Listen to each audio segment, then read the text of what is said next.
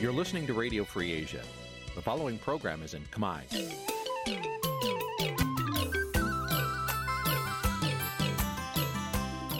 នេះជាកម្មវិធីផ្សាយ Vuthu Azizi Serai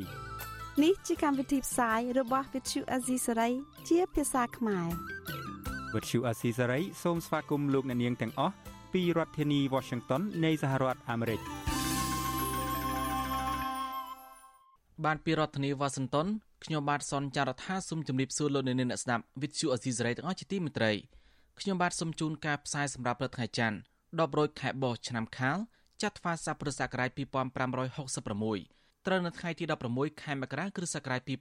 2023បានជាដំបូងនេះសូមអញ្ជើញលោកអ្នកនាងស្ដាប់ព័ត៌មានប្រចាំថ្ងៃដែលមានមេតិការដូចតទៅ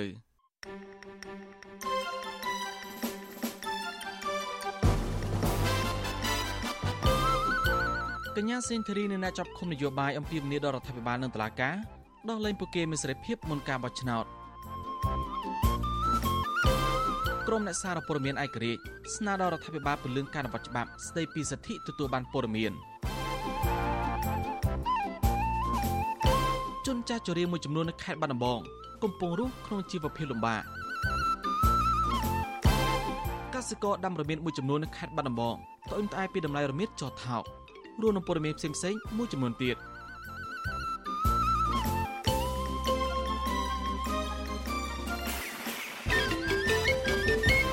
បានជាបន្តទៅនេះខ្ញុំបាទសនចាររថាសុំជូនព័ត៌មានពិស្ដាអ្នកជំនាញផ្នែកច្បាប់កញ្ញាសេនធីរីនិងអ្នកចាប់ឃុំត្រូវបានចោទប្រកាន់ក្រុមហេតុផលនយោបាយស្នើដល់រដ្ឋាភិបាលហ៊ុនសែននិងតុលាការដោះលែងពួកគេដោយឥលក្ខខណ្ឌនៅមុនការបោះឆ្នោតជ្រើសតាំងតំណាងរាស្ត្រនៅពេលខាងមុននេះសង្គមស៊ីវិល អំពីវនីដល់អ្នកនយោបាយគ្រប់ភាគីទាំងអស់ឲ្យប្រើវប្បធម៌សន្តានាបញ្ចប់វិបត្តិនយោបាយដើម្បីផលប្រយោជន៍ជាតិបាទលោកនាងនឹងបានស្ដាប់សេចក្តីការអំពីរឿងនេះនៅពេលបន្តិចទៀតនេះបាទសូមអរគុណបាទលោកនាងជាទីមត្រីមេដឹកនាំគណៈបព្វប្រជាធិបតេយ្យមូលដ្ឋានស្នើសុំជាថ្មីទីរដ្ឋសភាកែប្រែឬធ្វើវិសោធនកម្មរដ្ឋធម្មនុញ្ញស្ដីពីសមាជិកគណៈកម្មាធិការជាតិរៀបចំការបោះឆ្នោតកោជបសេចក្តីប្រកាសព័ត៌មាន របស់គណៈបកប្រជាធិបតេយ្យមូលដ្ឋានឲ្យដឹងថានៅថ្ងៃទី16ខែមករានេះប្រធានគណៈបកនិងមេដឹកនាំគណៈបកនេះនៅនាំគ្នាដាក់ញត្តិនៅរដ្ឋសភាស្នើសុំស្ថាប័នកម្ពុជាមួយនេះធ្វើវិសោធនកម្មរដ្ឋធម្មនុញ្ញស្ដីពីសមាជិកគណៈកម្មាធិការជាតិរៀបចំការបោះឆ្នោតកោជបកាលពីឆ្នាំ2021គណៈបកប្រជាធិបតេយ្យមូលដ្ឋានក៏បានស្នើទៅរដ្ឋសភាធ្វើវិសោធនកម្មរដ្ឋធម្មនុញ្ញស្ដីពីសមាជិកស្ថាប័នជារៀបចំការបោះឆ្នោតនេះមករករួចមកហើយប៉ុន្តែសំណើនេះត្រូវបានរដ្ឋសភាច្រានចោល ដោយសម្អាងថាការជជែកអំពីសមាជិកកោចបោត្រូវទុកឲ្យគណៈបកនយោបាយដែលមានសម្លេងក្នុងរដ្ឋសភាពិភាក្សាគ្នាសម្រេចគណៈបកប្រជាតាបតៃមូលដ្ឋានចង់មានការកែប្រែសមាជិកក្បាលម៉ាស៊ីនហាក់ដណ្ដំកោចបោដោយលើសំណាក់ថាក្នុងចំណោមក្បាលម៉ាស៊ីនកោចបោទាំង9រូប4រូបជ្រើសដល់គណៈបកនយោបាយដឹកនាំរដ្ឋាភិបាល4រូបទៀតជ្រើសដល់គណៈបកនយោបាយមានអាសនៈក្នុងរដ្ឋសភាដែលមិនចូលរួមក្នុងរដ្ឋាភិបាលហើយម្នាក់ទៀតជ្រើសដល់ការព្រមព្រៀងគ្នាដោយគណៈបកនយោបាយទាំងអស់ដែលមានអាសនៈក្នុងរដ្ឋសភា រដ្ឋសភាកាលពីខែមេសាឆ្នាំ2015នៅក្រៅមានការចរចាតាមវប្បធម៌សន្តានារវាងគណៈបកប្រជាជនកម្ពុជានិងគណៈបកសង្គ្រោះជាតិបានបោះឆ្នោតអនុម័តមីក្បាលម៉ាស៊ីនកោចបោ9រូបតាមរូបមន្ត441គឺគណៈបកប្រជាជនកម្ពុជា4រូបគណៈបកសង្គ្រោះជាតិ4រូបហើយមានសង្គមស៊ីវិលឯករាជ្យ1រូបបានលោកនៅនឹងជាទីមត្រីក្រុមអ្នកសារព័ត៌មានឯករាជ្យស្នើដល់រដ្ឋាភិបាលឲ្យពន្លឿនការអនុវត្តច្បាប់ស្តីពីសិទ្ធិទទួលបានព័ត៌មាន ដើម្បីលើកកម្ពស់ការផ្សព្វផ្សាយព័ត៌មានពិតនិងបញ្ហានៅក្នុងសង្គមការលើកឡើងនេះបន្ទាប់ពីនាយករដ្ឋមន្ត្រីថ្លែងការពីពេលថ្មីថ្មីនេះថាច្បាប់ស្តីពីសិទ្ធិទទួលបានព័ត៌មាននឹងត្រូវអនុម័តក្នុងអាណត្តិទី7ក្រោយការបោះឆ្នោតឆ្នាំ2023កាលពីជាង2ឆ្នាំមុនប្រមុខរដ្ឋាភិបាលរូបនេះក៏ធ្លាប់សន្យាថានឹងចេញច្បាប់ស្តីពីសិទ្ធិទទួលបានព័ត៌មាននៅឆ្នាំ2020បានពីរដ្ឋធានីវ៉ាស៊ីនតោនលោកជីវតារាយការណ៍ព័ត៌មាននេះការអនុម័តច្បាប់ស្តីពីសិទ្ធិទទួលបានព័ត៌មាន មិនត្រឹមតែលើកកម្ពស់សិទ្ធិអ្នកសារព័ត៌មានប៉ុណ្ណោះទេ តែក៏នឹងលើកកម្ពស់ការផ្សព្វផ្សាយព័ត៌មានពិតដើម្បីដោះស្រាយបញ្ហានៅក្នុងសង្គមជាតិផងដែរអ្នកសារព័ត៌មានវិទ្យុសំឡេងសហរដ្ឋអាមេរិក VOA លោកសុននរិនប្រាប់វិទ្យុអាស៊ីសេរីថារដ្ឋាភិបាលគួរពន្យាការអនុម័តច្បាប់ស្តីពីសិទ្ធិទទួលបានព័ត៌មានឲ្យបានឆាប់ដើម្បីបង្កភាពងាយស្រួលដល់អ្នកសារព័ត៌មានវិជ្ជាជីវៈអាចបំពេញការងារឲ្យកាន់តែមានប្រសិទ្ធភាពលោកបន្ថែមថា ការលើកឡើងរបស់លោកនាយករដ្ឋមន្ត្រីហ៊ុនសែនដែលជំរុញឲ្យអ្នកសារព័ត៌មានផ្សព្វផ្សាយព័ត៌មានអំពីបញ្ហាអំពើពុករលួយ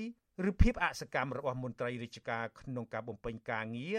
នឹងមិនមានប្រសិទ្ធភាពឡើយគណៈច្បាប់ស្តីពីសិទ្ធិទទួលបានព័ត៌មាន នៅតែមិនទាន់មាននៅឡើយទោះជាយ៉ាងណា លោកសុនណារិនសំណូមពរដល់អាជ្ញាធរឲ្យបញ្ឈប់ការធ្វើទុកបុកម្នេញលើអ្នកសារព័ត៌មាន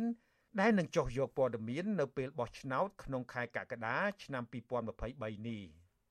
ខ្ញុំលើកទឹកចិត្តឲ្យអាជ្ញាធរមានការគោរពការងាររបស់សារព័ត៌មានបើសិនបើគាត់ចោះទៅតាមបណ្ដាខេត្តក៏មានការគម្រាមកំហែងនៅថ្ងៃបោះឆ្នោតអនុញ្ញាតឲ្យគាត់ចូលរាយការណ៍ការបោះឆ្នោតដោយសេរី នៅមុនការបោះឆ្នោតសូមកុំមាន ការធ្វើទុកបុកម្នេញលើសារព័ត៌មានដោយថាมันមានការឲ្យជួនម៉ោងផ្សាយឬក៏ពាក្យបណ្ដឹងអ្វីទៅកាន់សារព័ត៌មានដែលគាត់ហ៊ានធ្វើព័ត៌មានរសើបព័ត៌មានដែលមានប្រយោជន៍សម្រាប់ប្រជាពលរដ្ឋដែលជាអ្នកបោះឆ្នោតនៅក្នុងការសម្រេចចិត្តការស្នើសុំនេះធ្វើឡើងបន្ទាប់ពីលោកនាយករដ្ឋមន្ត្រីហ៊ុនសែនបានថ្លែងក្នុងពិធីសំណេះសំណាលជាមួយអ្នកសារព័ត៌មានដោយផ្ទាល់លើកទី5កាលពីថ្ងៃទី15មករា ថារដ្ឋាភិបាលគ្រោងនឹងអនុម័តច្បាប់ស្តីពីសិទ្ធិទទួលបានព័ត៌មានឲ្យបាន នៅក្នុងអាណត្តិទី7ដោយលោកអះអាងថាសេចក្តីព្រៀងច្បាប់នេះកំពុងស្ថិតនៅដំណាក់កាលត្រួតពិនិត្យនៅក្រសួងយុតិធធលើផ្នែកដាក់ទោសពិន័យលើអ្នកបំពានច្បាប់នេះយើងរំពឹងថាច្បាប់សិទ្ធិទទួលបាននៅព័ត៌មាននឹងចេញនៅអាណត្តិទី7ក្រោយការបោះឆ្នោតឬអាចថាប្រកាស ជាក្នុងចន្លោះឆ្នាំ2024ឬ2025យើងចង់ប្រមូលផ្ដុំនៅមតិយោបល់ទាំងឡាយពីគ្រប់ទិសទីដើម្បីឲ្យច្បាប់មួយនេះចេញទៅទទួលបានផលប្រយោជន៍ទាំងអស់គ្នាជាមួយគ្នានេះលោកនាយករដ្ឋមន្ត្រីហ៊ុនសែនក៏បានផ្ដល់អនុសាសន៍8ចំណុចដល់ក្រសួងអញ្ញាធរិទ្ធនីខេត្តនិងអ្នកសារព័ត៌មានអនុវត្តដើម្បីលើកកម្ពស់វិស័យសារព័ត៌មានអនុសាសន៍ទាំងនោះ រួមមានជំរុញឲ្យអ្នកសារព័ត៌មានផ្សព្វផ្សាយព័ត៌មានអំពីអំពើពុករលួយ និងភាពអសកម្មរបស់មន្ត្រីរាជការលុបបំបាត់ព័ត៌មានមិនពិត និងព័ត៌មានក្លែងក្លាយនិងរួមគ្នាផ្សព្វផ្សាយពីការចាក់វ៉ាក់សាំង COVID-19 ជាដើមទោះជាយ៉ាងណា ការសំណេះសំណាលជាមួយអ្នកសារព័ត៌មាននេះលោកនាយករដ្ឋមន្ត្រីមិនបានផ្ដល់ឱកាសដល់អ្នកសារព័ត៌មានឯករាជ្យឲ្យបង្ហាញពីក្តីកង្វល់នឹងការលំបាករបស់ពួកគេក្នុងការបំពេញការងារយកព័ត៌មានឡើយ ជាពិសេសបញ្ហាអាញាធរដែលមិនសហការជាមួយអ្នកសារព័ត៌មានអ្នកសារព័ត៌មានប្រមាណ5000នាក់ដែលបានចូលរួមក្នុងកម្មវិធីនេះភាគច្រើនជាអ្នកសារព័ត៌មានដែលមាននិន្នាការគ្រប់គ្រងរដ្ឋាភិបាលជុំវិញរឿងនេះអ្នកសារព័ត៌មានសម្លេងប្រជាធិបតេយ្យ VOD លោកឆាយហ៊ីយល់ឃើញថាការលើកឡើងរបស់លោកនាយករដ្ឋមន្ត្រីហ៊ុនសែនដែលណែនាំឲ្យអាជ្ញាធរកុំចាត់ទុកអ្នកសារព័ត៌មានជាសត្រូវនោះនឹងមិនមានប្រសិទ្ធភាពឡើយ លោកអះអាងថាក្រមអាជ្ញាធរនៅតែបន្តគម្រាមកំហែងម្ដងម្កាលមកលើរូបលោកតាមរយៈការប្រើប្រាស់ពាក្យសម្ដីមិនសមរម្យនិងហាមឃាត់មិនឲ្យលោកចូលយកព័ត៌មាននៅកន្លែងកើតមានបញ្ហារំលោភសិទ្ធិមនុស្សក្នុងនាមជាអ្នកសារព័ត៌មានដែលធ្លាប់បានរងអំពើហិង្សាពីក្រុមកងអង្គរៈលោកនាយករដ្ឋមន្ត្រីហ៊ុនសែននៅពេលចុះយកព័ត៌មាននៅតំបន់ភ្នំតាម៉ៅកាលពីឆ្នាំ2022កន្លងទៅ លោកឆាយហ៊ីបន្ថែមថា ដើម្បីបង្ហាញឆន្ទៈថារដ្ឋាភិបាលចង់លើកកម្ពស់សេរីភាពសារព័ត៌មាន និងការគោរពសិទ្ធិអ្នកសារព័ត៌មានពិតមែននោះថ្នាក់ដឹកនាំរដ្ឋាភិបាលត្រូវជំរុញឲ្យអនុម័តច្បាប់ស្តីពីសិទ្ធិទទួលបានព័ត៌មានឲ្យបានឆាប់ឆាប់ប្រសើរជាងគ្រាន់តែនិយាយតែមាត់ចំណែកនាយកប្រតិបត្តិនៃសម្ព័ន្ធអ្នកសារព័ត៌មានកម្ពុជាកម្ពុជាលោកណុកវីវិញគាំទ្រចំពោះការស្នើសុំឲ្យរដ្ឋាភិបាលពន្លឿនការអនុម័តច្បាប់ស្តីពីសិទ្ធិទទួលបានព័ត៌មាន ព្រោះលោកថាអ្នកសារព័ត៌មានវិជ្ជាជីវៈអាចប្រើប្រាស់ច្បាប់នេះជាមូលដ្ឋាន ដើម្បីស្នើនឹងទទួលបានស្របច្បាប់នៅព័ត៌មានចាំបាច់ពីស្ថាប័នសាធារណៈរបស់រដ្ឋដើម្បីសរសេរព័ត៌មានបែបស្រាវជ្រាវជាប្រយោជន៍ជាតិលោកបន្ថែមថាអ្នកសារព័ត៌មានមានតួនាទីសំខាន់ក្នុងការនាំយកបញ្ហានៅក្នុងសហគមន៍ផ្សព្វផ្សាយទៅដល់សាធារណជន និងភាគីពាក់ព័ន្ធឲ្យបានដឹង និងរកដំណោះស្រាយទៅលើបញ្ហានោះ។ លោកថាអាញាធរនិងភៀកគីពាក់ព័ន្ធនានាមិនត្រូវរើសអើងឬប្រើអំពើហិង្សាទៅលើអ្នកសារព័ត៌មាននោះឡើយតាក់ទងជាមួយនឹងរឿងការប្រើប្រាស់អំពើហិង្សាការប្រើប្រាស់ពាក្យសម្ដីប្រមាថឬមួយក៏ការប្រើប្រាស់ពាក្យអសុរោះហើយហ្នឹងគឺយើងមិនគួរប្រើទេជាពិសេសទៅលើអ្នកសារព័ត៌មានដោយសារគាត់មានតួនាទីមួយដើម្បីបម្រើផលប្រយោជន៍សាធារណជនទូទៅហើយនឹងមានតួនាទីដូចអ្នកបញ្ជូនសារអញ្ចឹងគឺគាត់មិនគួរមានសត្រូវទេ អង្គការអ្នកសារព័ត៌មានគ្មានព្រំដែនបានចេញផ្សាយរបាយការណ៍ស្ដីពីសន្ទុះសេរីភាពសារព័ត៌មានពិភពលោកសម្រាប់ឆ្នាំ2022បានរកឃើញថាសេរីភាពសារព័ត៌មាននៅកម្ពុជា នៅតែមានការរឹតបន្តឹងដោយកម្ពុជាបានជាប់ចំណាត់ថ្នាក់លេខរៀងទី142ក្នុងចំណោមប្រទេសចំនួន180ក្រុមអ្នកសារព័ត៌មានអង្គការសិទ្ធិមនុស្សជាតិនិងអន្តរជាតិនៅតែបន្តរិះគន់រដ្ឋាភិបាលកម្ពុជា ថាមានចេតនាពន្យាពេលម្ដងហើយម្ដងទៀតក្នុងការអនុម័តច្បាប់ស្តីពីសិទ្ធិទទួលបានព័ត៌មាន ក្នុងគោលដៅបន្តរដ្ឋបិទសេរីភាពសារព័ត៌មានលោកនាយករដ្ឋមន្ត្រីហ៊ុនសែន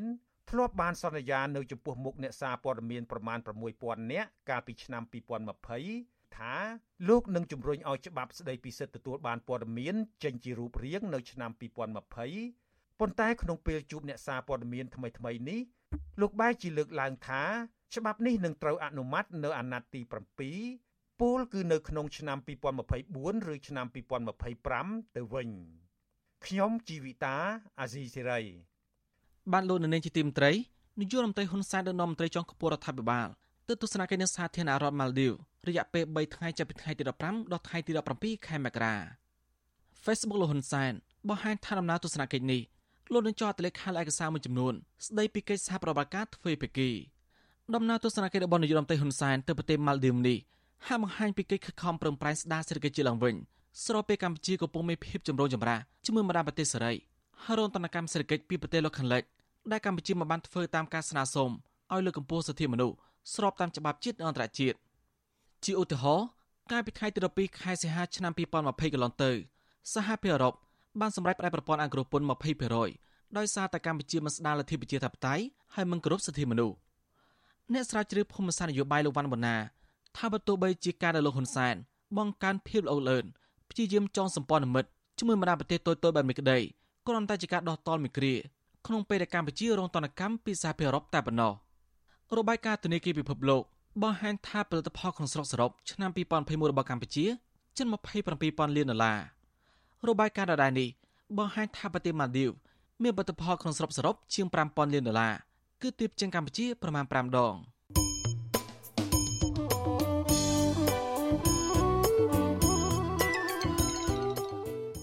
បានលោកនៅនេះជាទីមត្រីដំណើរគ្នានឹងស្ដាប់ការផ្សាយរបស់វិទ្យុអេស៊ីសេរីតាមបណ្ដាញសង្គម Facebook និង YouTube លោកនៅនាងក៏ស្ដាប់ការផ្សាយរបស់វិទ្យុអេស៊ីសេរីតាមវិទ្យុរលកធាតុអាកាសខ្លីឬ Shortwave តាមកម្រិតនិងកម្ពស់ដូចតទៅនេះ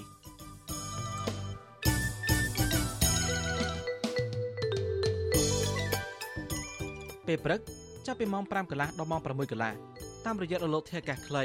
9.39 MHz ឬស្មើនឹងកម្ពស់ 32m និង11.85 MHz ឬស្មើនឹងកម្ពស់ 25m ពេលយប់ចាប់ពីម៉ោង7កន្លះដល់ម៉ោង8កន្លះតាមរយៈរលកធាតុអាកាសខ្លី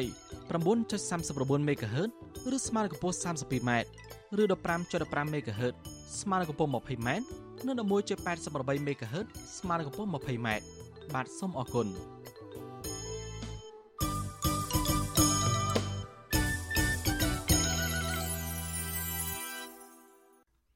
បាទលោកនៅនាងជាទីមត្រី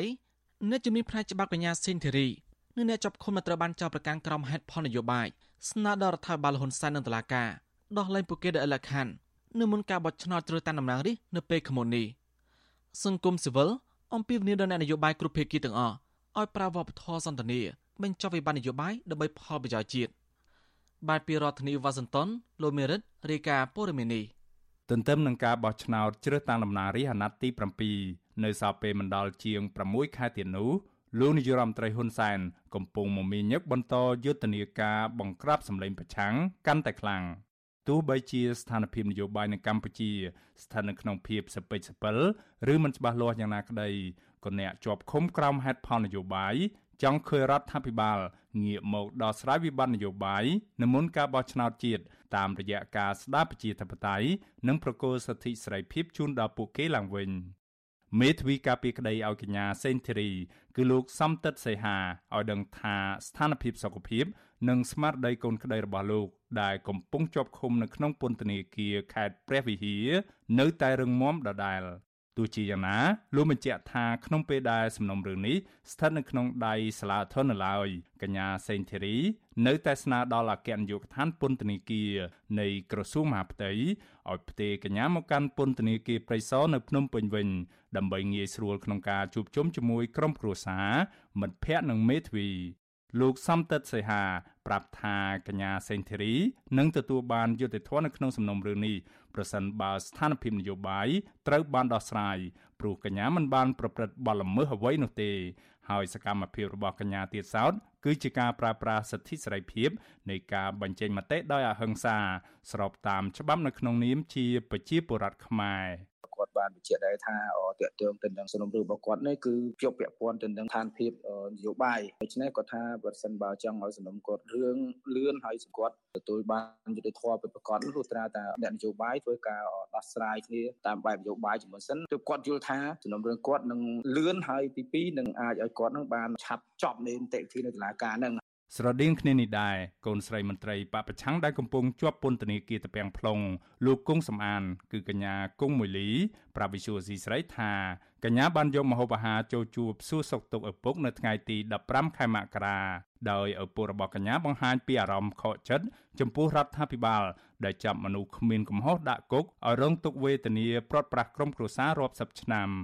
កញ្ញានិយាយថាសកម្មជនបពប្រឆាំងនៅពន្ធនាគារកំពុងទន្ទឹងរង់ចាំយុត្តិធម៌តាមរយៈការបញ្ចប់វិបត្តិនយោបាយនៅក្នុងប្រទេសនៅមុនការបោះឆ្នោតជាតិនាខែកក្កដាខាងមុខនេះពីព្រោះការចាប់ខ្លួននិងឃុំខ្លួនពួកគាត់កន្លងមក គឺជារឿងនយោបាយ កញ្ញាគុំមួយលីបញ្ជាក់ថាទោះបីជារហូតមកដល់ពេលនេះនៅមិនទាន់មានដំណោះស្រាយផ្នែកនយោបាយក៏ដោយក៏ក្រុមគ្រួសារកញ្ញា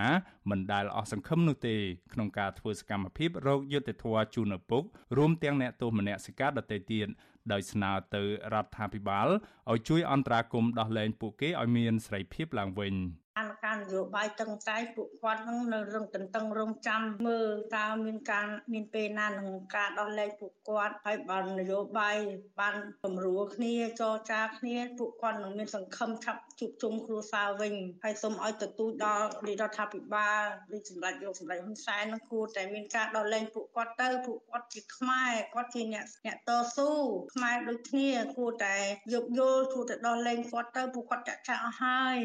ចំណែកឯកោតកោកាស៊ីណូ Nagavel កញ្ញាម៉ែនសុធីវឌ្ឍនាឲ្យដឹងថាក្រុមកោតកោបានចេញធ្វើកោតកម្មនៅមុខអគារក្រុមហ៊ុន និងធ្វើយុទ្ធនាការនៅលើបណ្ដាញសង្គម Facebook នៅក្នុងគោលបំណងទាមទារឲ្យតុលាការដោះលែងមេសហជីពកញ្ញាឈឹមស៊ីធនិងបញ្ឈប់ការធ្វើទុកបុកម្នេញមកលើកោតកោតទៅទៀតកញ្ញាយល់ថាការបន្តឃុំខ្លួនកញ្ញាឈឹមស៊ីធមិនបានផ្ដល់ផលប្រយោជន៍ដល់សង្គមជាតិនោះទេ តែផ្ទុយទៅវិញបញ្ហានេះធ្វើឲ្យរដ្ឋាភិបាលបាក់មុខមាត់ខណៈការបោះឆ្នោតជាតិកាន់តែខិតជិតចូលមកដល់ម្នាក់ម្នាក់គឺមានចំណុចដែលគេចង់បានទៀមទាអញ្ចឹងយើងដោះស្រាយទៅរឿងគ្រប់យ៉ាងគឺវាចប់ហើយហើយវាចិត្តដល់ថ្ងៃបោះឆ្នោតទៀតអញ្ចឹងប្រជាជនសូមឲ្យគាត់រីករាយនៅក្នុងការបោះឆ្នោតជ្រើសរើសតំណាងថ្មីនៅក្នុងអាណត្តិថ្មីនេះអញ្ចឹងសូមឲ្យដោះស្រាយរាល់បញ្ហាទាំងអស់ទៅវិសុយស៊ីស្រីមិនអាចតាក់ទងប្រធានអង្គភិបអ្នកនាំពាក្យរដ្ឋាភិបាល លោកផៃស៊ីផាននិងអ្នកនាំពាក្យក្រសួងយុតិធធលោកចិនម៉ាលីនដើម្បីបញ្ជាក់ជុំវិញរឿងនេះបាននៅឡើយទេនៅថ្ងៃទី15ខែមករាជុំវិញរឿងនេះនាយកទទួលបន្ទុកកិច្ចការទូតនៃអង្គការសិទ្ធិមនុស្សលីកាដូ លោកអំសមាតមានប្រសាសន៍ថាការចាប់ខ្លួនកញ្ញាសេងធីរីកញ្ញាឈឹមស៊ីធនិងសកម្មជនមួយចំនួនទៀតដាក់ពន្ធនាគារជាហោហែមនេះមិនមែនជាការអនុវត្តច្បាប់នោះទេក៏ប៉ុន្តែគឺជាការរំលោភលើសេរីភាពជាមូលដ្ឋានរបស់ពលរដ្ឋដែលត្រូវបានធានាដោយរដ្ឋធម្មនុញ្ញនិងបទដ្ឋានសិទ្ធិមនុស្សអន្តរជាតិលោកយល់ថាដើម្បីឲ្យស្ថានភាពនយោបាយនិងដំណើរការបោះឆ្នោតទទួលបានការទទួលស្គាល់ពីសហគមន៍ជាតិនិងអន្តរជាតិ គឺមានតែអ្នកនយោបាយងាកមករកតុចរចាកែលម្អចំណុចខ្វះខាតឡើងវិញទាក់ទងនឹងស្ថានភាពប្រជាធិបតេយ្យនិងការគោរពសិទ្ធិមនុស្សទើបផ្ដល់ផលចំណេញដល់កម្ពុជា យើងចង់ឃើញអ្នកនយោបាយទាំងអស់ហ្នឹងគាត់ងាកមុខរកគ្នាហើយបើកការសន្ទនាក្នុងនាមជានាយកអ្នកនយោបាយខ្មែរដូចគ្នាហើយធ្វើម៉េចយើងនាំគ្នាបើកលំហទៅលើសេរីភាពនយោបាយជាពិសេសបើកលំហទៅលើបរិយាកាសឆ្ពោះទៅរកការបោះឆ្នោតឆ្នាំជាតិឆ្នាំ2023នេះហើយមានលក្ខណៈល្អប្រសើរតាមលក្ខណៈជាបតៃ គិតរហូតមកទល់ពេលនេះមានសកម្មជនគណៈបពប្រឆាំងនិងអ្នករិះគន់រដ្ឋាភិបាលយ៉ាងហោចណាស់60នាក់កំពុងជាប់ឃុំនៅក្នុងពន្ធនាគារដោយសារតែការអនុវត្តសិទ្ធិសេរីភាពរបស់ពួកគេក្រុមសមាជិកសភាអាស៊ានដើម្បីសិទ្ធិមនុស្សហៅកាត់ថា APHR កាលពីថ្ងៃទី12ខែមករាបានថ្កោលទោសលោកនាយរដ្ឋមន្ត្រីហ៊ុនសែនដែលបានគំរាមកំហែងដោយផ្ទាល់ទៅលើក្រុមអ្នកប្រឆាំងនៅមុនការបោះឆ្នោតសកលនៅខែកក្កដាឆ្នាំ2023ខាងមុខ ក្រុមសមាជិកអាស៊ានដើម្បីសិទ្ធិមនុស្ស APHR អំពាវនាវដល់សមាគមអាស៊ាន និងសហគមន៍អន្តរជាតិឲ្យដាក់គំនាបជាក់លាក់ទៅលើរដ្ឋាភិបាលលោកហ៊ុនសែនឲ្យដោះលែងអ្នកទោសនយោបាយបញ្ឈប់ការធ្វើយុទ្ធនាការគំរាមកំហែងដល់គណៈបពប្រឆាំងនិងអនុវត្តតាមកិច្ចព្រមព្រៀងសន្តិភាពក្រុងប៉ារីឆ្នាំ1991ដែលតម្រូវឲ្យប្រទេសកម្ពុជាគោរពសិទ្ធិមនុស្សនិងលទ្ធិប្រជាធិបតេយ្យខ្ញុំបាទមេរិត Visual C ស្រី រាយការណ៍ពីរដ្ឋធានី Washington បានលោកនៅនាងជាទីមត្រីពលរដ្ឋមួយចំនួននៅខេត្តកំពង់ឆ្នាំងវិលចូលលំនៅថាវិញហើយក្រោយពីជំនឿខ្លួនពីទឹកចំនួនការវិលមកវិញនេះបន្ទាប់ពីពលរដ្ឋត្រូវបានជំនឿចេញពីលំនៅឋានក្រោយពីភ្លៀងធ្លាក់ជាប់ជាប់គ្នាប្រមាណថ្ងៃចុងក្រោយចាប់តាំងពីថ្ងៃទី11មកបណ្ដាមានចំនួនទឹកភ្លៀងលេចលងផ្ទះសម្បែងស្រែចម្ការរបស់ពលរដ្ឋនៅឃុំត្បែងខ្ពស់ស្រុកសាមគ្គីមានជ័យខេត្តកំពង់ឆ្នាំងជំទប់ទី2ឃុំត្បែងខ្ពស់ស្រុកសាមគ្គីមានជ័យលោកទឹមវណ្ណា ប្រាវិជូស៊ីសរ៉េថាទៅជំនុំគ្រានេះខ្លាំងជាងទៅចំនួននៃការមានរដូវវស្សាទៅទៀតលោកបានថែមថាបរដ្ឋនីមិនបានទទួលដំណឹងពីការប្រកាសចំនួនទឹកភ្លៀងអាចកើតមាននោះទេអត់មានសំបីធរនឹងក៏អត់ដឹងដែរព្រោះអានេះវាដូចទឹកវាបាក់ទំនប់ហ្មងវាបាក់បាក់ម៉ូវូហ្មងភ្លៀងដូចថាភ្លៀងយើងខែវិសាធម្មតាហ្នឹងក៏អត់ដល់ថ្នាក់ហ្នឹងដែរទឹកមកដល់ថ្ងៃនេះឃើញមានស្រកបងបាទឃើញមានស្រកតើបដាបដាហើយតែបើសិនជាអត់មានភ្លៀងអត់មាននេះទៀតទេប្រហែលជា4 5ថ្ងៃទៀតប្រហែលជាដាច់ កាលពីថ្ងៃទី12កំណអាញាធមលោកថាបានជំនាញបរដ្ឋ93គ្រួសារជិនទៅរត់ទីទួលសវត្ថភាពអាញាធមពីវនីដល់បរដ្ឋប្រុងប្រយ័ត្នទឹកចំនួនពិសេសមនុស្សចាស់និងកូនក្មេងតាមគេហៅទំព័រផ្លូវការរបស់នាយកដ្ឋានផ្សព្វផ្សាយអប់រំនៅថ្ងៃទី12បានប្រកាសថាចំនួនទឹកភ្លៀងនិងទឹកជន់លិចស្រុកមួយចំនួនខេត្តកំពង់ឆ្នាំងរួមមានស្រុកសាមគ្គីមានជ័យស្រុកកំពង់តឡាចនិងស្រុកទឹកផវិទ្យុអេស៊ីសេរីមិនតន់តែតងអភិបាលខេត្តកំពង់ឆ្នាំងលោកសុនសវណ្ណរិទ្ធដើម្បីសូមអធិប្បាយពីបញ្ហានេះបានទេ នៅថ្ងៃទី15ខែមករាជុំទប់ទី2ឃុំតបែងខ្ពស់លោកទឹមវណ្ណាឲ្យដឹងថាអាញាធរបានជំនាញបរដ្ឋ93គ្រួសារមកទីទួលសវត្ថភាពនៅក្នុងបរិវេណវត្តតបែងខ្ពស់បានលោកនៅនាងជាទីមត្រីសាមណនិស្សិតខ្មែរកម្ពុជាក្រោមដែលកំពុងសិក្សានៅប្រទេសថៃធ្វើបនផ្ការសាមគ្គីរេអង្គាប្រាក់បច្ច័យសម្រាប់គ្រប់គ្រងប្រសង់សិក្សា ដើម្បីកសាងធនធានមនុស្សអភិវឌ្ឍសង្គមពិធីបុណ្យនេះ មានបរិវត្តខ្មែរកម្ពុជាក្រៅនិងពលករខ្មែរប្រមាណ50នាក់ចូលរួមប្រគេនចង្ហាន់និងបច្ច័យចំពោះព្រះសង្ឃ10អង្គដោយមានការសម្ដែងរបាំប្រជាប្រិយកុមារខ្មែរកម្ពុជាក្រោម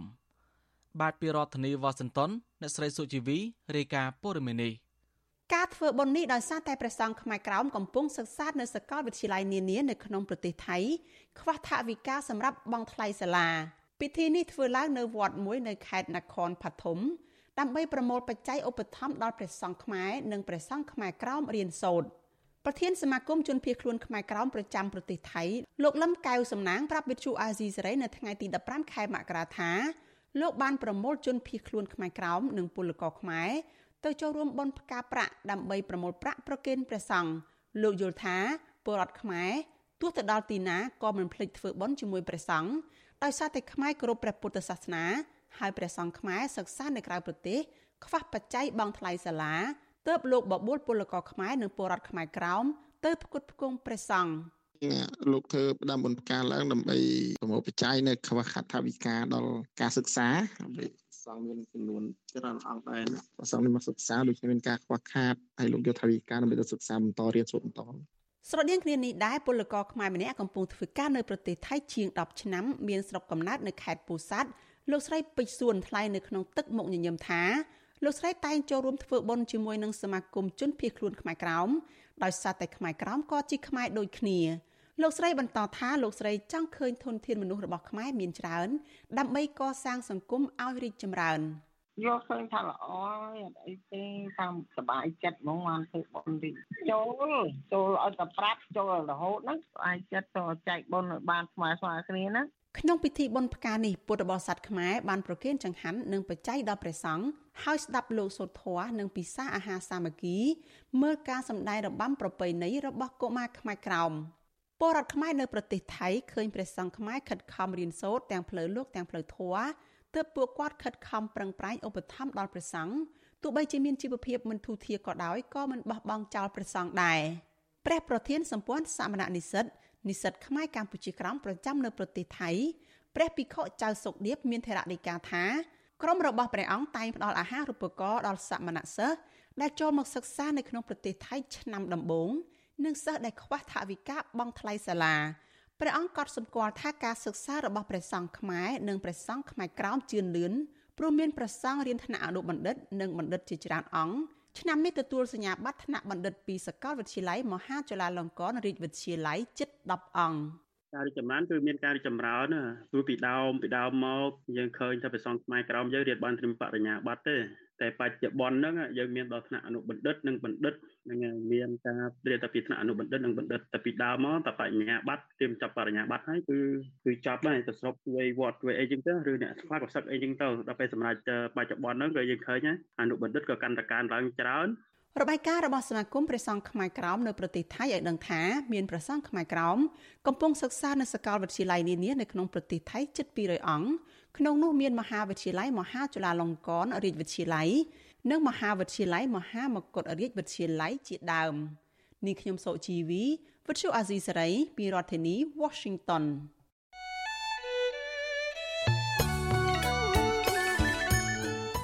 បានលោកនាងជាទីមត្រីនៅក្នុងឱកាសនេះដែរខ្ញុំបានសូមថ្លែងអំណរគុណដល់លោកនាងកញ្ញាទាំងអស់ដែលតែងតែមានភក្ដីភាពចំពោះការផ្សាយរបស់យើងហើយចាត់ទុកការស្ដាប់វិទ្យុអាស៊ីសេរីជាផ្នែកមួយនៃសកម្មភាពប្រចាំថ្ងៃរបស់លោកនាងការគ្រប់គ្រងរបស់លោកនាងនេះហើយដែលធ្វើឲ្យយើងខ្ញុំមានទឹកចិត្តកាន់តែខ្លាំងបន្ថែមទៀតនៅក្នុងការស្វែងរកនិងផ្តល់ព័ត៌មានជូនលោកនាងមានអ្នកស្ដាប់អ្នកទស្សនាកាន់តែច្រើនកាន់តែធ្វើឲ្យយើងខ្ញុំមានភាពស្វាហាប់មោះមុតជាបន្តទៅទៀតយើងខ្ញុំសូមអរគុណទុកជាមុន ហើយសូមអញ្ជើញលោកនាងចូលរួមជំរុញសកម្មភាពផ្តល់ព័ត៌មានរបស់យើងនេះកាន់តែជោគជ័យបន្ថែមទៀតលោកនាងអាចជួយយើងខ្ញុំបានដោយគ្រាន់តែចុចចែករំលែកឬ Share ការផ្សាយរបស់យើងនៅលើបណ្ដាញសង្គម Facebook និង YouTube ទៅកាន់មិត្តភ័ក្តិដើម្បីឲ្យការផ្សាយរបស់យើងបានទៅដល់មនុស្សកាន់តែច្រើន បាទសូមអរគុណ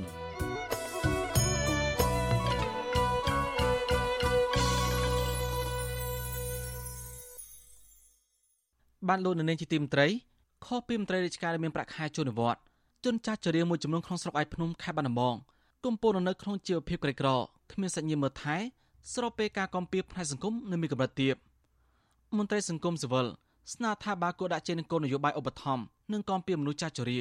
ដែលផ្ដល់សុខុមាលភាពសង្គមហើយការមើលថែទាំប្រកបឲ្យបានសមរម្យជនចាស់ជរាមួយចំនួននៅខេត្តបាត់ដំបងកំពុងរស់នៅក្នុងស្ថានភាពលំបាកខ្វះការគ្រប់គ្រងផ្នែកសង្គមកិច្ច ហើយមួយចំនួនទៀតរស់នៅកំព្រាទុរគតក្រោយបាត់បង់សាច់ញាតិកាលពីចំនួនខ្មែរក្រហមជនចាស់ជរានៅភូមិរហាសួងឃុំប្រៃលួងស្រុកឯកភ្នំលោកស្រីសួងតូចប្រាប់វិទ្យុអេស៊ីសរ៉ៃថាលោកស្រីរស់នៅម្នាក់ឯងអស់រយៈពេលជាង10ឆ្នាំមកហើយចាប់តាំងពីកូនស្រីលោកស្រីបបងមិនតបពីមានគ្រួសារស្ត្រីវ័យ77ឆ្នាំរំនេះរៀបរាប់ថាសប្តាហ៍លោកស្រីមានជំងឺលើឈាមរស់ពឹងផ្អែកលើចំនួនបន្តិចបន្តួចរបស់អាញាធូមូលដ្ឋានហើយបាយមហូមអ្នកជខាងប្រឲ្យម្ដងម្កាលតែប៉ុណ្ណោះ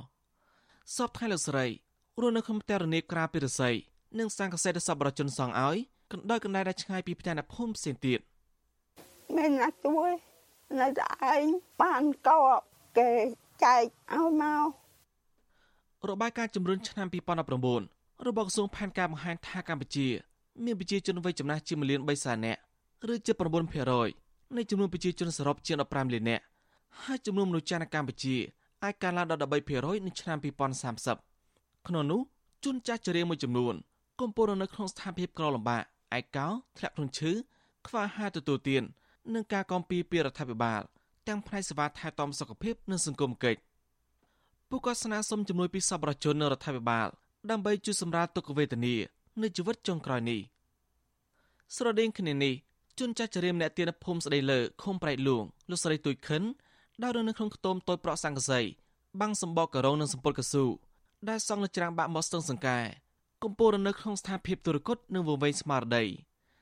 អ្នកចខាលោកស្រីទួយខិនគឺលោកកាត់បានរៀបរាប់ថាប្តីនឹងគុំប្រុសពីអ្នករបស់លោកស្រីស្លាប់តាំងពីសម័យខ្មែរក្រហមមកម្ល៉េះលោកបន្តថាបើទោះបីជាលោកស្រីទុយខិនបានទទួលប្រាក់ឧបត្ថម្ភក្រីក្រកម្រិត1ពីរដ្ឋាភិបាលក៏ដោយក៏លោកស្រីមិនទទួលបានសេវាកម្មពីណាមួយពីរដ្ឋាភិបាលនោះទេ បាយទឹកខ្ញុំយកឲ្យរាល់ថ្ងៃចំណីបង្អែមហើយតែលុយទុកប៉ៅ4 5000បានណាគាត់វែងជ្រុលទៅហើយចោលបានឲ្យធ្វើត្រីនេះឃើញទៅឬយកឲ្យអង្គការសង្គមស៊ីវិលមើលឃើញថាជនចាស់ជរាដែលគ្មានសាច់ញាតិមើលថែកំពុងខ្វះការយកចិត្តទុកដាក់កំពីលើសុខុមាលភាពនិងការគ្រប់គ្រងសង្គមកិច្ចពីរដ្ឋាភិបាលសង្គមស៊ីវិលយកឃើញថាការផ្ដោតត្រឹមបានក្រីក្រតែមួយមុខ ដល់ជនចាស់ជរាទុរគតដែលគ្មានកម្លាំងសម្បទាដើម្បីប្រកបរបរចិញ្ចឹមជីវិតនេះមិនមែនជាដំណោះស្រាយយូរអង្វែងទេវិទ្យុអេស៊ីសេរីមិនតតែតតងប្រធានមន្ត្រីសង្គមកិច្ចអតីតយុវជននយោបាយនីតិសម្បទាខេត្តបាត់ដំបងលោកភួងសទ្ធិដើម្បីសុំការបកស្រាយអំពីរឿងនេះបានទេ នៅថ្ងៃទី15ខែមករាប៉ុន្តែប្រធានអង្គភិបអ្នកនាំពាក្យរដ្ឋាភិបាលលោកផៃសិផានប្រាវិជូស៊ីសេរីថាគោលនយោបាយរដ្ឋាភិបាលបានបង្កើតមូលនិធិជួយដល់ជនចាស់ជរានៅតាមភូមិឃុំ ដោយពួកគាត់ត្រូវតាក់ទងទៅការរដ្ឋបាលភូមិឃុំដើម្បីទទួលបានជំនួយពីមូលនិធិនេះមណ្ឌលចាជរាតាមធម្មតាយើងមិនចង់ឲ្យជនទាំងអស់នឹងទៅជាកំព្រាទេគេមានកម្មវិធីនៅភូមិនៅឃុំរបស់គេអាហ្នឹងមានកម្មវិធីរដ្ឋាភិបាលគោលនយោបាយជាស្ដីពីមនុស្សចាស់ឆ្នាំ2017ដល់ឆ្នាំ2030របស់ក្រសួងសង្គមគិច្ចអតីតយុវជនយុវនេតិសម្បទាបានកំណត់ទិសដៅនយោបាយសាស្ត្រធានាពីសន្តិសុខហិរញ្ញវត្ថុសុខភាពនិងសុខុមាលភាព របៀបរបបនៃការរស់នៅបរិស្ថានអំណោយផលនិងការបង្កើតសមាគមមនុស្សចាស់នៅគ្រប់ឃុំសង្កាត់តាមរយៈការផ្តល់មូលនិធិនិងការសម្របសម្រួលប៉ុន្តែការសិក្សារបស់អង្គការមនុស្សចាស់កម្ពុជា កាលពីខែមករាឆ្នាំ2022វាតម្លៃថាកិច្ចគាំពៀផ្ទាល់ដល់មនុស្សចាស់នៅកម្ពុជា នៅមានកម្រិតទាបនៅឡើយការសិក្សាបង្ហាញថាសមាគមមនុស្សចាស់តាមមូលដ្ឋាន ដែលព្រួយផ្ដើមដោយរដ្ឋាភិបាលជាង1600កន្លែងមានប្រមាណ80%អត់ដំណើរការ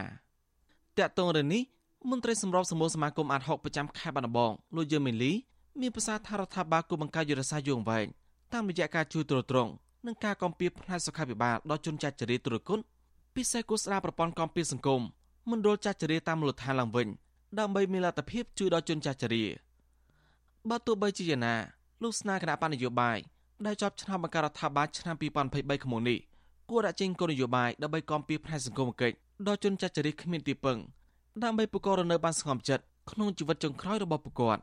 តែដល់គាត់ចាស់ទៅយកគាត់ទៅវត្តទុកចោលនៅវត្តហ្នឹងតែអញ្ចឹងវត្តមិនមែនជាមណ្ឌលសម្រាប់ទុកមនុស្សចាស់ទេនេះជាចំណុចមួយដែលរដ្ឋាភិបាលត្រូវធ្វើការពិចារណាដែរពាក់ព័ន្ធនឹងហើយត្រូវគិតគូរពីឥឡូវទៅព្រោះពីកន្លងមកយើងអត់ដែលឃើញមានទេសំខាន់ឲ្យយកចិត្តទុកដាក់ទៅលើបញ្ហាទៅលើទស្សនវិជ្ជាសង្គមទាំងអស់នេះដើម្បីឲ្យប្រជាពលរដ្ឋគាត់បានរួចផុតពីការលំបាកពីភាពក្រីក្រទាំងអស់នេះបាទ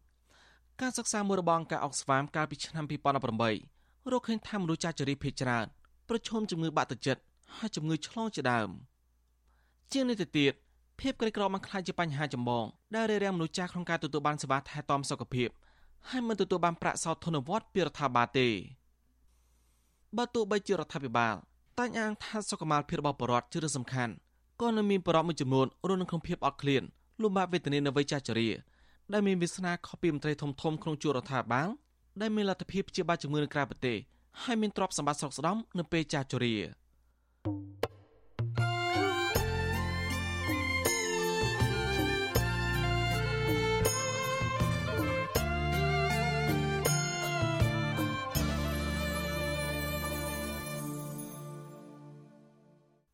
បានលោកនៅនាងជាទីមត្រីពលរដ្ឋមួយចំនួននៅស្រុកឯកភ្នំខេត្តបាត់ដំបងត្អូញត្អែពីតម្លៃរមៀតធ្លាក់ថ្លៃ លក់មិនបានប្រាក់ចំណេញដោះស្រាយជីវភាពគ្រួសារសង្គមស៊ីវិលយល់ថាក្រសួងកសិកម្មនិងមន្ត្រីជំនាញពាក់ព័ន្ធគួរចោះត្រួតពិនិត្យហើយរំដោះស្រាយជូនដល់កសិករឲ្យតាន់ពេលវេលាដើម្បីពួកគាត់លក់កសិផលយកប្រាក់ដោះស្រាយជីវភាព បាទពីរដ្ឋធានីវ៉ាស៊ីនតោនលោកមេរិតរាយការណ៍ព័ត៌មាននេះពជាកសិករមួយចំនួនរស់នៅឃុំសំឡូនលើកឡើងថាតម្លៃរមៀតគ្មានទីផ្សារច្បាស់លាស់ការទិញលក់តម្លៃអាស្រ័យតែមាត់ឈ្មួញនិងចេះតែធ្លាក់ថ្លៃ ធ្វើឲ្យប៉ះពាល់ដល់ជីវភាពប្រជាកសិករពួកគាត់ថាកន្លងមក រមៀតមានទីផ្សារល្អហើយក្រុមហ៊ុនឥណ្ឌាទទួលទិញក៏ប៉ុន្តែសប្តាហ៍ថ្ងៃមានត្រឹមតែឈ្មួញកណ្ដាលចុះប្រមូលទិញតែប៉ុណ្ណោះពលរដ្ឋម្នាក់រស់នៅឃុំសំឡូតលោកកុយកុងគៀរៀបរាប់ប្រាប់វិសុយស៊ីស្រីថាលោកដាំរមៀតជិត1ហិកតាតែប៉ុណ្ណោះដោយសារតែតម្លៃថោកហើយគ្មានទីផ្សារច្បាស់លាស់ លោកថាលោកមិននឹកស្មានថាតម្លៃរមៀតធ្លាក់ថ្លៃមកនៅត្រឹម700រៀលក្នុង1គីឡូក្រាមនោះទេពីព្រោះពីមុនរមៀតមានតម្លៃចន្លោះពី1300រៀលទៅ1600រៀលក្នុង1គីឡូក្រាមលោកបន្តថាលោកនឹងកសិករដាំរមៀតដទៃទៀតកាត់បន្ថយការដាំរមៀតក្រោយពីតម្លៃធ្លាក់ថ្លៃខ្លាំងនិងគ្មានទីផ្សារច្បាស់លាស់ហើយឈ្មួញកណ្ដាលចុះទិញឲ្យក្រុមហ៊ុនទម្លាក់ថ្លៃកសិករ លោកបន្តថាលោកនឹងកសិករមួយចំនួនមិនទាន់គាស់រមៀតនៅឡើយទេដោយសារតែតម្លៃថោកដែលមិនអាចទូទាត់ថ្លៃប្រាក់ឈ្នួលកម្មករនិងប្រាក់ដើមក្នុងការចំណាយដាំដុះដោយ សារហាងឆេងវាអត់ទៀងទាត់ទេតម្លៃវាទាបដែលអ្នកចុះមកទិញហ្នឹងលើគេថាក្រុមហ៊ុនឥណ្ឌាគេទទួលទិញប៉ុន្តែអត់ដែលឃើញក្រុមហ៊ុនមកទិញទេមានតែឈ្មួញកដាលយើងហ្នឹងក្នុងស្រុកណាក្នុងភូមិតែតម្លៃអត់ដែលបានខ្ពស់ទេបងតម្លៃទាបមកឆ្នាំហ្នឹងរឹតតែចុះទៀតនេះដោយសារអ្នកដែលគេដាំគេដាំតិចតួចឥឡូវវាតម្លៃវារៀងទាបទៀតទាបជាងរាល់ឆ្នាំមួយឆ្នាំទៅវាបានមក10អីដែរវាអត់មានទីផ្សារហ្មងបង ស្រដៀងគ្នានេះដែរពលរដ្ឋម្នាក់ទៀតរស់នៅឃុំកំពង់លពៅលោកប៉ុនរបាំងឲ្យដឹងថាកាលពីឆ្នាំកន្លងទៅក្រុមហ៊ុនឥណ្ឌាបានទិញរមៀតតម្លៃចាប់ពីជាង1000រៀលក្នុង1គីឡូក្រាមឡើងក៏ប៉ុន្តែឆ្នាំនេះធ្លាក់ថ្លៃខ្លាំងដោយសារអ្នកទិញបន្តដែលក្រុមហ៊ុនដាក់ទៅទម្លាក់ថ្លៃរមៀតកសិករបន្ថែមទៀតហើយកសិករមិនអាចយករមៀតមកលក់ខ្លួនឯងបាននោះឡើយទាល់តែជាបណ្ដាញឈ្មួញឥណ្ឌាទើបលក់រមៀតបាន លោកថាកសិករមិនទៀមទាលក់រមៀតក្នុងតម្លៃខ្ពស់ពេកនោះទេគឺតម្លៃសមរម្យបានប្រាក់ចំណេញខ្លះក៏ពួកគាត់សុខចិត្តលក់ដែរមានន័យថាវាដាក់កូនដៃឬក៏ដាក់មេកាទិញវាទិញតែពីមេកានោះទេបើក្រៅពីមេកាហ្នឹងគឺវាទិញយើងទេកសិករដឹកចូលក៏វាទិញដែរតាមខ្ញុំដឹងមានចេញទៅវៀតណាមខ្លះហើយនៅថៃខ្លះឥឡូវនេះចេញទៅឥណ្ឌាសុទ្ធទេរឿងទីផ្សារអ្នកក្នុងប្រទេសគាត់ចេះកំងចេញពីក្រៅមកគាត់អត់ស្គាល់អំពីជុញឬមិនជុញទេតែពេលបន្លែជុញម្នាក់ម្នាក់កំងមកខាតគ្រប់គ្នាដែរអ្វីដែលខ្ញុំបន្ទោសមានតែមួយត្រីក្រសួងកសិកម្មគាត់អត់ស្គាល់អំពីគេថាចរាចរតំដេញក្នុងស្រុកបើសិនជាគាត់ក្តាប់ថាព័ត៌មានថាកសិផលនៅក្នុងស្រុកដល់ហើយអញ្ចឹងគួរតែផ្អាកការនាំចូលផលផលពីខាងក្រៅគឺវាអត់បញ្ហាទេវាអាចនឹងតម្លៃវាទប់ទល់បានក្រៅពីតម្លៃរមៀតចុះថោកបុរដ្ឋក៏លើកឡើងថានៅស្រុកសំឡូត ភូមិសាស្ត្រអំណោយផលធ្វើកសិកម្មក៏ប៉ុន្តែនៅពេលកសិករផលិតបានតម្លៃថោកមិនមានតុល្យភាពចំពោះការចំណាយរបស់កសិករនោះឡើយពួកគាត់បារម្ភពីជីវភាពគ្រួសារនៅថ្ងៃក្រោយដោយសារតែរងផលប៉ះពាល់ពីការធ្វើកសិកម្មគ្មានទីផ្សារពួកគាត់ស្នើឲ្យអាជ្ញាធរពាក់ព័ន្ធរិះរកវិធីដោះស្រាយនិងកាត់បន្ថយការនាំចូលបន្លែពីប្រទេសជិតខាង ដើម្បីឲ្យបន្លែនិងកសិផលនៅក្នុងស្រុកមានតម្លៃសមរម្យនៅលើទីផ្សារ វិសុវស៊ីស្រីមិនអាចតតងแนะនាំពាក្យក្រសួងកសិកម្មអ្នកនាងអឹមរចនានិងប្រធានមន្ត្រីកសិកម្មខេត្តបាត់ដំបងលោកឈឹមវិជ្ជរាដើម្បីសូមអធិប្បាយជុំវិញរឿងនេះបាននៅឡើយទេនៅថ្ងៃទី15ខែមករាក៏ប៉ុន្តែអភិបាលស្រុកសំឡូតលោកសើសមេតឲ្យដឹងថាលោកក៏ដាំរមៀតប្រមាណ3ហិកតាដែរហើយក៏កំពុងរកកម្មករគាស់រមៀតដែរ លោកថាប្រហែលជាកន្លះខែមុនរមៀតមានតម្លៃ900រៀលក្នុង1គីឡូក្រាម ហើយសប្តាហ៍ថ្ងៃឈ្មួញទិញនៅតាមចំការចន្លោះពី600រៀលទៅ700រៀលក្នុង1គីឡូក្រាមលក់ទៅឲ្យក្រុមហ៊ុនឥណ្ឌា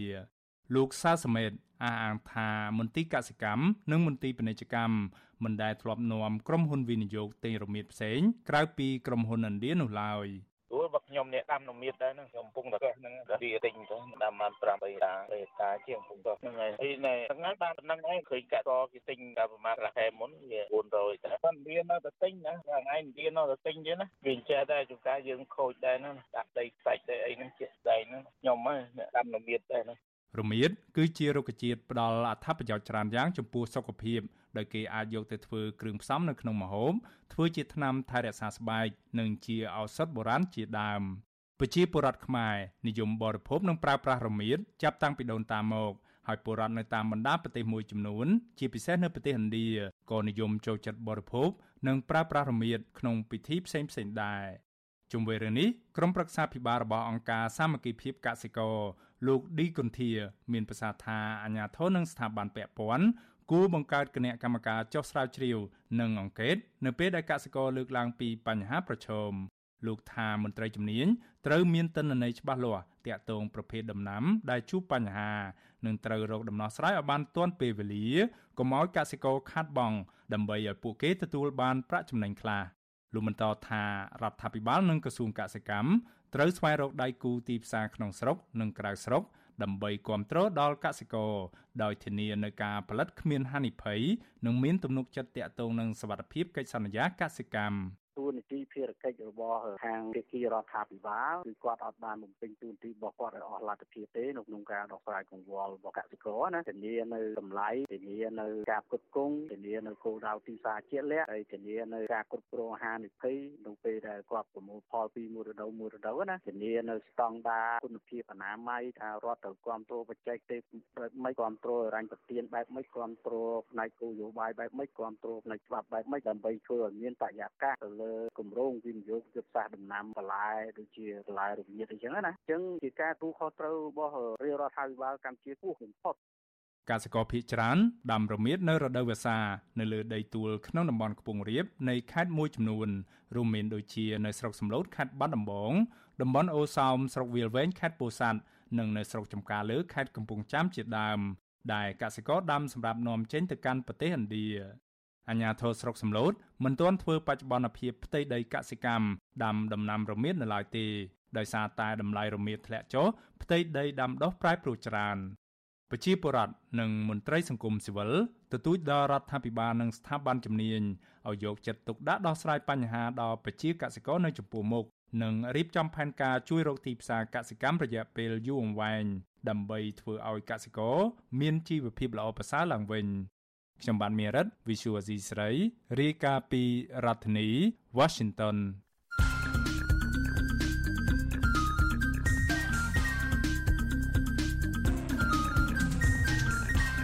បទសំភារ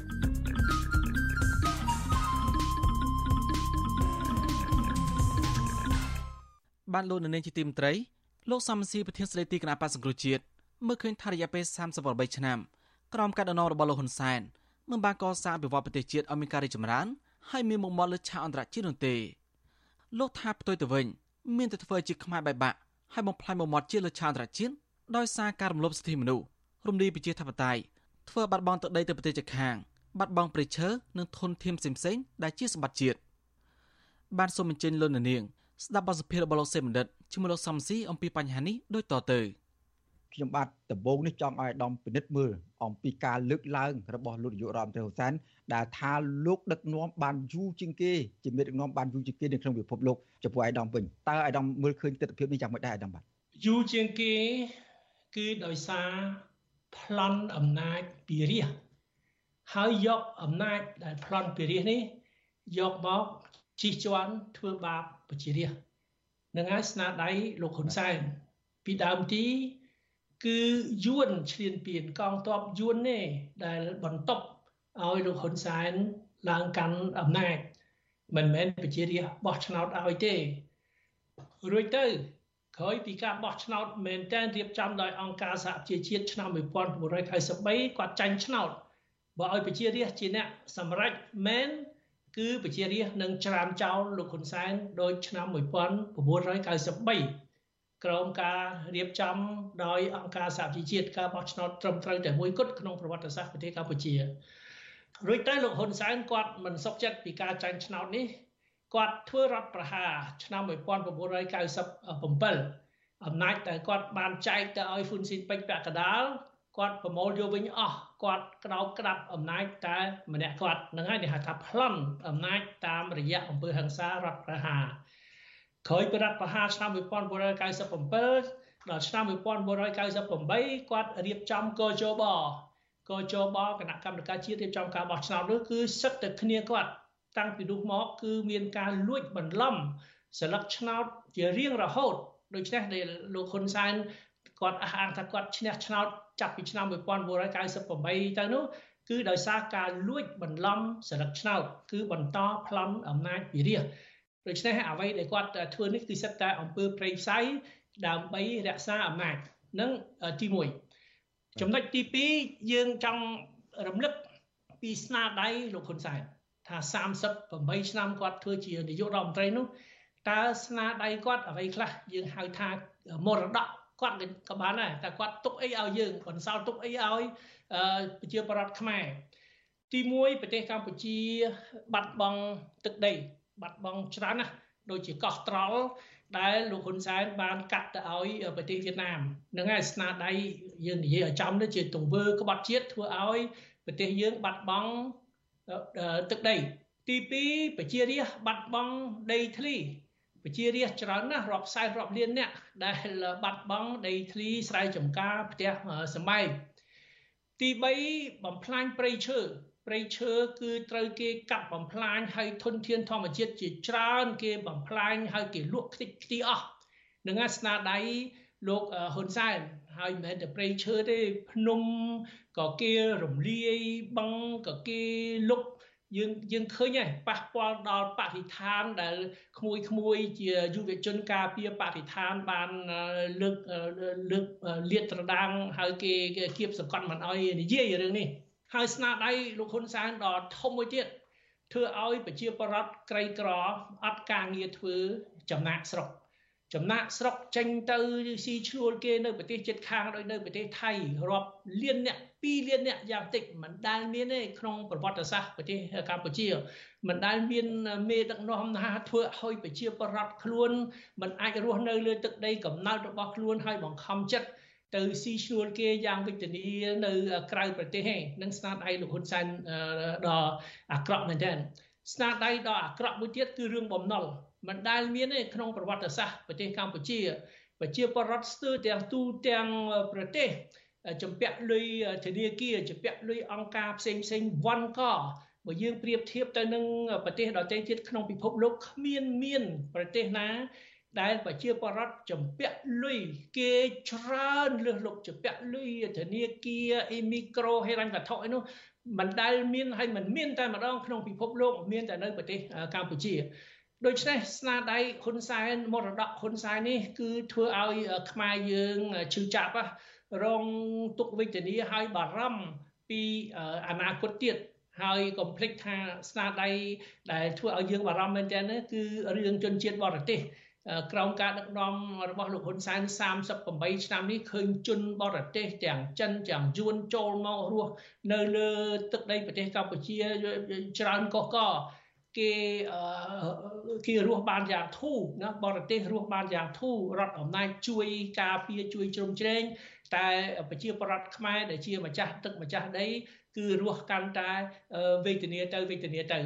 បាទអរគុណអាយដាមនៅសល់តែប្រហែលខែទៅទៀត ការបោះឆ្នោតចូលមកដល់ហើយតើអាយដាមមានផែនការធ្វើនយោបាយយ៉ាងម៉េចតាក់ទងនឹងការបោះឆ្នោតនៅពេលខាងមុខបរិបត្តិគឺខុសប្លែកពីការបោះឆ្នោតមុនមុនស្ថានភាពនយោបាយឥឡូវហ្នឹងមិនមែនដូចធម្មតាទេពីព្រោះនៅឆ្នាំ2023នេះលោកហ៊ុនសែនមានគម្រោងផ្ទេរអំណាចទៅឲ្យកូនគាត់គម្រោងផ្ទេរអំណាចនេះមានការចំទាស់យ៉ាងខ្លាំងពីគ្រប់មជ្ឈដ្ឋាន ក្នុងជួរគណៈបកប្រជាជនកម្ពុជាក៏គេចំទាស់ដែរគេថាលោកហ៊ុនសែនមើលរំលងរំរងអសរជនក្នុងជួរគណៈបកប្រជាជនជាច្រើន ដែលគេមានវ័យចំណាស់គេមានស្នាដៃគេមានបទពិសោធន៍គេអាចធ្វើនាយករដ្ឋមន្ត្រីបានបន្តពីលោកហ៊ុនសែនរឿងអីលោកហ៊ុនសែនមើលរំលងគេហើយលើកកូនខ្លួនមកជំនួសខ្លួនជានាយករដ្ឋមន្ត្រី អញ្ចឹងហើយការបោះឆ្នោត2023នេះមិនមែនការបោះឆ្នោត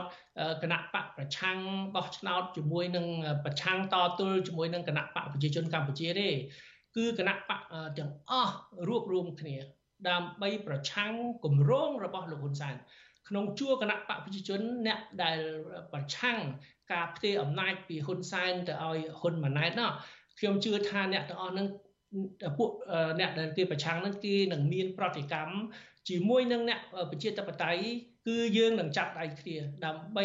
ទប់ស្កាត់កុំឲ្យហ៊ុនសែនផ្ទេរអំណាចទៅឲ្យកូនគាត់ត្រូវមានអ្នកដឹកនាំមាននាយករដ្ឋមន្ត្រីថ្មីខ្ញុំគ្រប់គ្រងឲ្យមាននាយករដ្ឋមន្ត្រីថ្មីមកពីគណៈបកប្រជាជនចាស់តែកុំឲ្យចេញមកពីត្រកូលហ៊ុនកុំកុំយកកូនហ៊ុនសែនដាច់ខាតឲ្យយកអសរជនដទៃទៀត ពីគណៈបកប្រជាជន គឺយើងរួបរวมគ្នាអ្នកប្រជាធិបតេយ្យក្នុងស្រុកនឹងគ្រប់គ្រងគណៈបកប្រជាជនណាដែលជំទាស់មិនឲ្យហ៊ុនម៉ាណែតឡើងមកកាន់តំណែងជំនួសហ៊ុនសែនបាទអាយដាមតើខាងគណៈបកប្រឆាំងវិញក្រៅពីអាយដាមនិងអាយដាមកម្មសខាតើមានតួថ្មីបេក្ខភាពណាថ្មីដើម្បីប្រកួតប្រជែងជាមួយនឹងអ្នកតវិញចំនួនថ្មីពីគណៈបកកណ្ដាលអំណាចដែរទេបាទអាស្រ័យអិសរជនដែលប្រជាពលរដ្ឋទុកចិត្ត តែខ្ញុំជឿថាប្រជាពលរដ្ឋលោកមើលលោកមើលប្រវត្តិ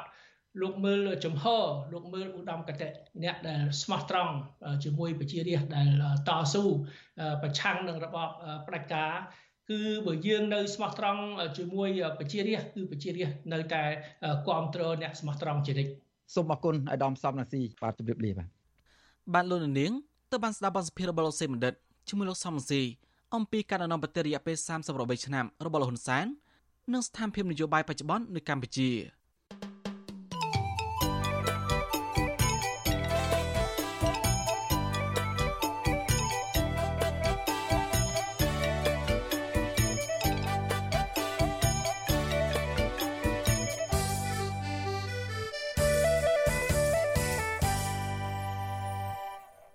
បានលោកនៅនាងជាទីមត្រី កម្មករធ្វើការក្នុងសិប្បកម្មលអិតនៅភូមិក្អមឃុំសីជ្រោយស្រុកមុខកំពូលខេត្តកដាលត្អូញត្អែពីបញ្ហាជីវភាព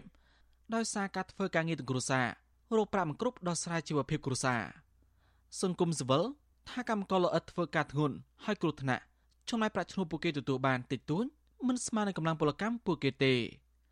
បានពីរដ្ឋធានីវ៉ាស៊ីនតោនលោកលេម៉ាលីរាយការណ៍ព័ត៌មាននេះកម្មករលអិតនៅឃុំរស័យជ្រោយខេត្តកណ្ដាលត្អូញត្អែថា ពួកគាត់ខិតខំធ្វើការជាច្រើនឆ្នាំមកហើយនៅតែមិនទាន់មានជីវភាពធូរធារនិងមិនអាចផ្គត់ផ្គង់កូនកូនឲ្យរៀនសូត្របានគ្រប់គ្រាន់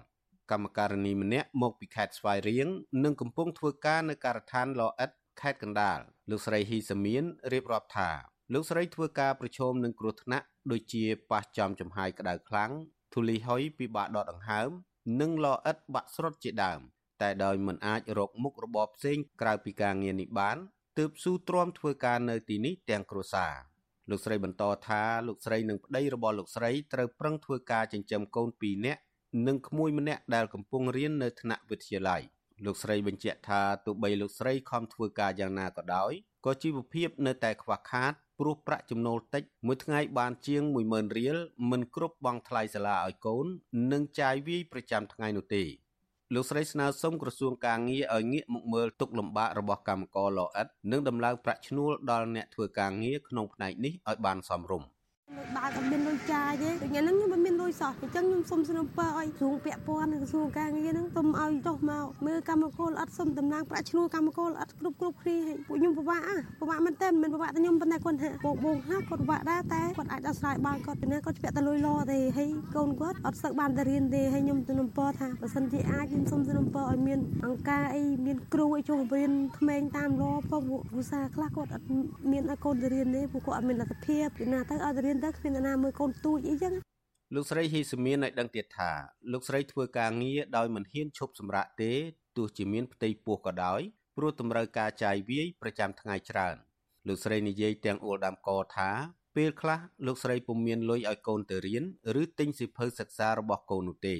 គ្រូដែលគាត់និយាយមួយខ្ញុំគាត់មិនថាពេលខ្ញុំពិបាកខ្ញុំអត់ចឹងគាត់ដាក់ដល់គ្រូខ្ញុំទេគាត់និយាយថាបើគ្មានលុយបង់កូនខ្ញុំមកប្រុសថ្នាក់ទី9ហ្នឹងឲ្យទៅរៀនសាលាផ្សឹងមួយទៀតទៅសាលាដែលបង់លុយឲ្យខ្ញុំបង់លុយតែកូនខ្ញុំមួយស្រីថ្នាក់ទី12ទៅខ្ញុំថាខ្ញុំខ្ញុំអត់មានលុយប៉ុន្តែខ្ញុំចង់ឲ្យកូនខ្ញុំរៀនកាងសាលាគាត់រាប់និយាយថាពេលបើសិនជាអត់លទ្ធភាពគេមានអ្នកចុះមើលអញ្ចឹងគេដាក់គ្រូលើកលែងឲ្យយើងបង់10% 20%អញ្ចឹងពេលខ្ញុំទៅជួបតោះខ្ញុំនិយាយមកអត់តែហ្មងគាត់អត់និយាយគាត់មកសំណួរមកខ្ញុំវិញថាឆ្ងល់បងឯងដែរអត់មានលុយបង់អត់មានលទ្ធភាពមិនឆ្ងល់បងឯងមិនចេះចង់ឲ្យកូនរៀនសាលាហ្នឹងអញ្ចឹងមិនន័យថាគ្រូហ្នឹងគាត់គាត់មិនចង់ឲ្យកូនអ្នកក្រមានចំណេះចេះដឹងទេ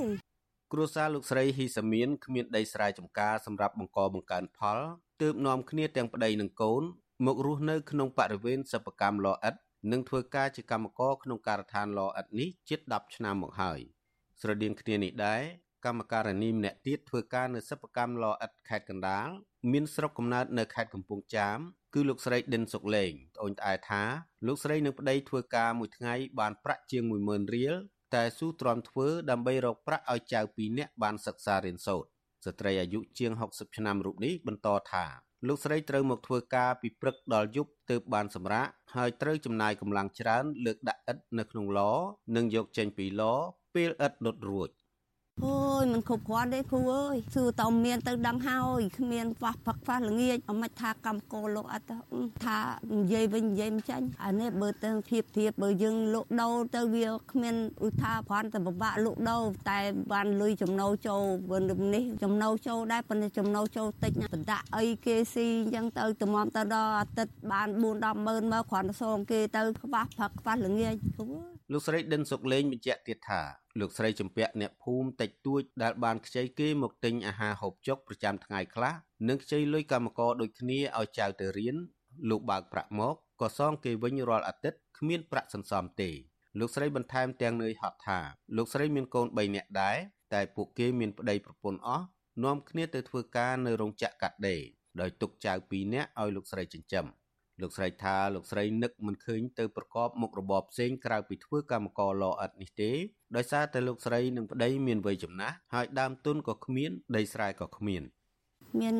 មុខរបរអីគ្រូអើយបានជាមកធ្វើការលោអត់ហ្នឹងនៅនឹងទៅរកអីបានអញ្ចឹងហើយមកធ្វើហ្នឹងទៅគ្រាន់បានបន្តិចបន្តិចហូបទៅវិធានាណាគ្រូអើយធ្វើការលោអត់ហ្នឹងជួនណាទៅគេឲ្យយើងឈប់តណាត់តណែងគ្រាន់តែឈប់លឺម៉ោងតិចខ្វះម៉ោងតិចអូគេថាឲ្យពីមុខពីក្រោយដូចស្អីចឹងបាក់ណាវិធានាវិទ្យុអស៊ីសេរីមិនអាចតាក់ទងសុំការអធិប្បាយជុំវិញបញ្ហានេះពីអភិបាលរងស្រុកមុខកំពូល លោកហុងគិរីនិងអ្នកនាំពាក្យក្រសួងកាងារលោកហេងសួរបានទេ នៅថ្ងៃទី9ខែមករាដោយសារទូរស័ព្ទហៅចូលជាច្រើនដង តែពុំមានអ្នកទទួលក្រសួងកាងារបានចេញសេចក្តីប្រកាសឲ្យថៅកែសិប្បកម្មលអិតទាំងអស់ត្រូវចុះបញ្ជីការងារឲ្យកម្មករលអិតមានកិច្ចគាំពៀសង្គមសម្រាប់ទទួលអត្ថប្រយោជន៍ការងារផ្សេងៗពីថៅកែនយោជកដូចជាពេលឈឺឬឱកាសបុណ្យទានអាចឈប់សម្រាកតែមកទល់ពេលនេះ សេចក្តីប្រកាសនេះក្រសួងមិនទាន់អនុវត្តនៅឡើយទេរបាយការណ៍របស់អ្នកស្រាវជ្រាវនៅសាកលវិទ្យាល័យ Holloway ផ្សាយកាលពីឆ្នាំ2018បង្ហាញថាពលរដ្ឋរាប់ពាន់គ្រួសារក្នុងនោះរួមមានទាំងកុមារដែលជំពាក់បំណុលគេកំពុងធ្វើការងារក្នុងស្ថានភាពគ្រោះថ្នាក់ដើម្បីបំពេញតម្រូវការឥដ្ឋដែលរបាយការណ៍ចាត់ទុកថាជាឥដ្ឋឈាមសម្រាប់ការសាងសង់របាយការណ៍ដដែលឲ្យដឹងទៀតថាដើម្បីបានកម្មករមកធ្វើការងារនៅឡឥត្ត ម្ចាស់លអិតបានសងបំណុលជំនួសកសិករដែលជំពាក់លុយគេប៉ុន្តែតម្រូវឲ្យកសិករទាំងនោះធ្វើការនៅក្នុងលអិតរហូតដល់កាត់បំណុលប្រមាណពី100ដុល្លារទៅ4000ដុល្លារដែលកម្មករជំពាក់ម្ចាស់លអិតរបាយការណ៍របស់សហព័ន្ធសហជីពកម្មករសំណង់និងព្រៃឈើឆ្នាំ2019ឲ្យដឹងថានៅទូទាំងប្រទេសកម្ពុជា មានសិប្បកម្មលអិត4464កន្លែងដែលភ្នាក់ច្រើននៅតាមបណ្ដោយទន្លេមេគង្គនិងទន្លេសាប កម្មករលអិតទូទាំងប្រទេសមានជាង10000នាក់ក្នុងនោះមានកុមារក្រោមអាយុ18ឆ្នាំជិត4000នាក់ហើយកុមារភ័យច្រើនមិនបានទៅសាលាទេជុំវិញរឿងនេះដែរអគ្គលេខាធិការសហព័ន្ធសហជីពកម្មករសំណង់និងប្រៃឈើលោកយ៉ាន់ធីលើកឡើងថាការដែលតម្រូវឲ្យកូនបំណុលមកធ្វើការដើម្បីសងបំណុលខុសនឹងច្បាប់ការងារកម្ពុជានិងជាការកេងប្រវ័ញ្ចកម្លាំងពលកម្មរបស់កម្មករលោកមើលឃើញថាពលរដ្ឋជាច្រើន បានទៅខ្ចីលុយពីថកែលអិតដើម្បីយកមកដោះស្រាយជីវភាពនិងការចំណាយផ្សេងផ្សេងទើបនាំគ្នាទាំងគ្រួសារទៅធ្វើការឲ្យថកែសម្រាប់ដោះបំណុល គេព្យាយាមលាក់បាំងប៉ុន្តែរូបភាពនិងការអនុវត្តជាក់ស្ដែងគឺមានពិតគឺតកតងនឹងការគម្រាមកំហែងអញ្ចឹងគាត់អាចធ្វើការងារបានទេសូម្បីតែពេលបនជៀនជុំឬក៏ចូលឆ្នាំក៏គាត់អាចទៅផ្ទះបានដែរបើទៅទៅលេងស្រុកកំណើតត្រូវមានអ្នកអ្នកនៅដូចដូចប្រចាំអញ្ចឹងមានន័យថាបើទៅមកគ្រួសារគាត់មាន5នាក់គាត់ត្រូវទៅបានតែ3នាក់ឬក៏4នាក់មានម្នាក់ឬ2នាក់ដើម្បីនៅក្នុង សិប្បកម្មនឹងដោយតកែគាត់ខ្លាចទៅហើយមិនត្រឡប់មកវិញមិនមកសងលុយមិនមកធ្វើការវិញអញ្ចឹងមន្ត្រីសង្គមស៊ីវិលរូបនេះឲ្យដឹងទៀតថាការដោះបំណុលរបៀបនេះអាចคล้ายជាទេសកលសម័យទំនើបហើយការសងបំណុលនេះធ្លាក់ទៅដល់កូនបន្តទៀតដែលមិនអាចមានថ្ងៃសងរួចអង្គការសង្គមស៊ីវិលធ្លាប់លើកឡើងដល់រដ្ឋាភិបាលឲ្យយកចិត្តទុកដាក់លើកម្មករលអិតនិងកម្មករសំណង់ ដោយផ្ដល់កិច្ចគាំពារផ្នែកសង្គមដល់ពួកគេឲ្យដូចជាកម្មករក្នុងវិស័យដទៃទៀតប៉ុន្តែពួកគេសង្កេតឃើញថារដ្ឋាភិបាលហាក់នៅតែមើលរំលងទុកលំបាករបស់កម្មករទាំងនោះដដែលខ្ញុំបាទលេងម៉ាលីវិទ្យុអាស៊ីសេរីពីរដ្ឋធានី Washington